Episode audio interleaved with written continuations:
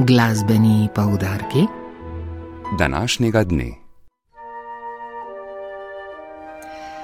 Na velikem odru kulturnega doma Nova Gorica bo nocoj ob 20 in 15 minut nastopil simfonični orkester RTV Slovenija s šefom dirigentom Rosenom Milanovom. V okviru glasbenega abonmaja Novogoriškega kulturnega doma bo predstavil koncertni spored, s katerim je minuli četrtek nastopil v svojem glasbenem ciklu Kromatika.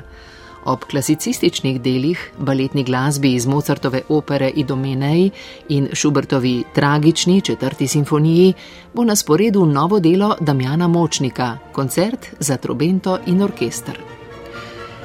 Ta je nastal na pobudo odličnega trobentača Jureta Gradišnika, ki je pogosto sodeloval pri izvedbah skladateljevih vokalno-instrumentalnih skladb, v katerih je veliko krat uporabljal solistično trobento.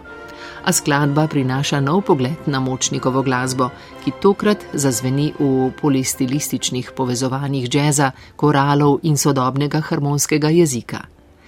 Na skladatelja je med ustvarjanjem vplivala tudi literatura, saj je v času komponiranja koncerta bral romane Olge Tokarčuk, ki ga je navdušil z opisovanjem krajev njenega življenja v časovnem prerezu, ki nikakor ni kronološko, ampak se razkriva kot pogled na različne čase.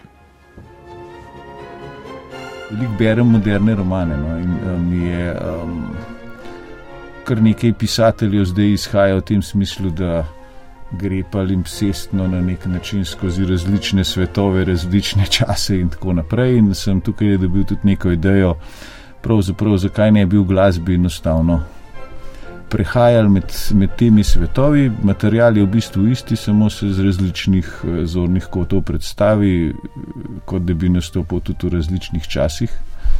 Um, ja, mogoče tudi kakšen mečken vpliv kakšnih šnitkejevih skladb, recimo prve simfonije, kjer tudi ravno tako svobodno prehaja med najrazličnejšimi, ne samo svetovi, žanri, pristopi in tako naprej.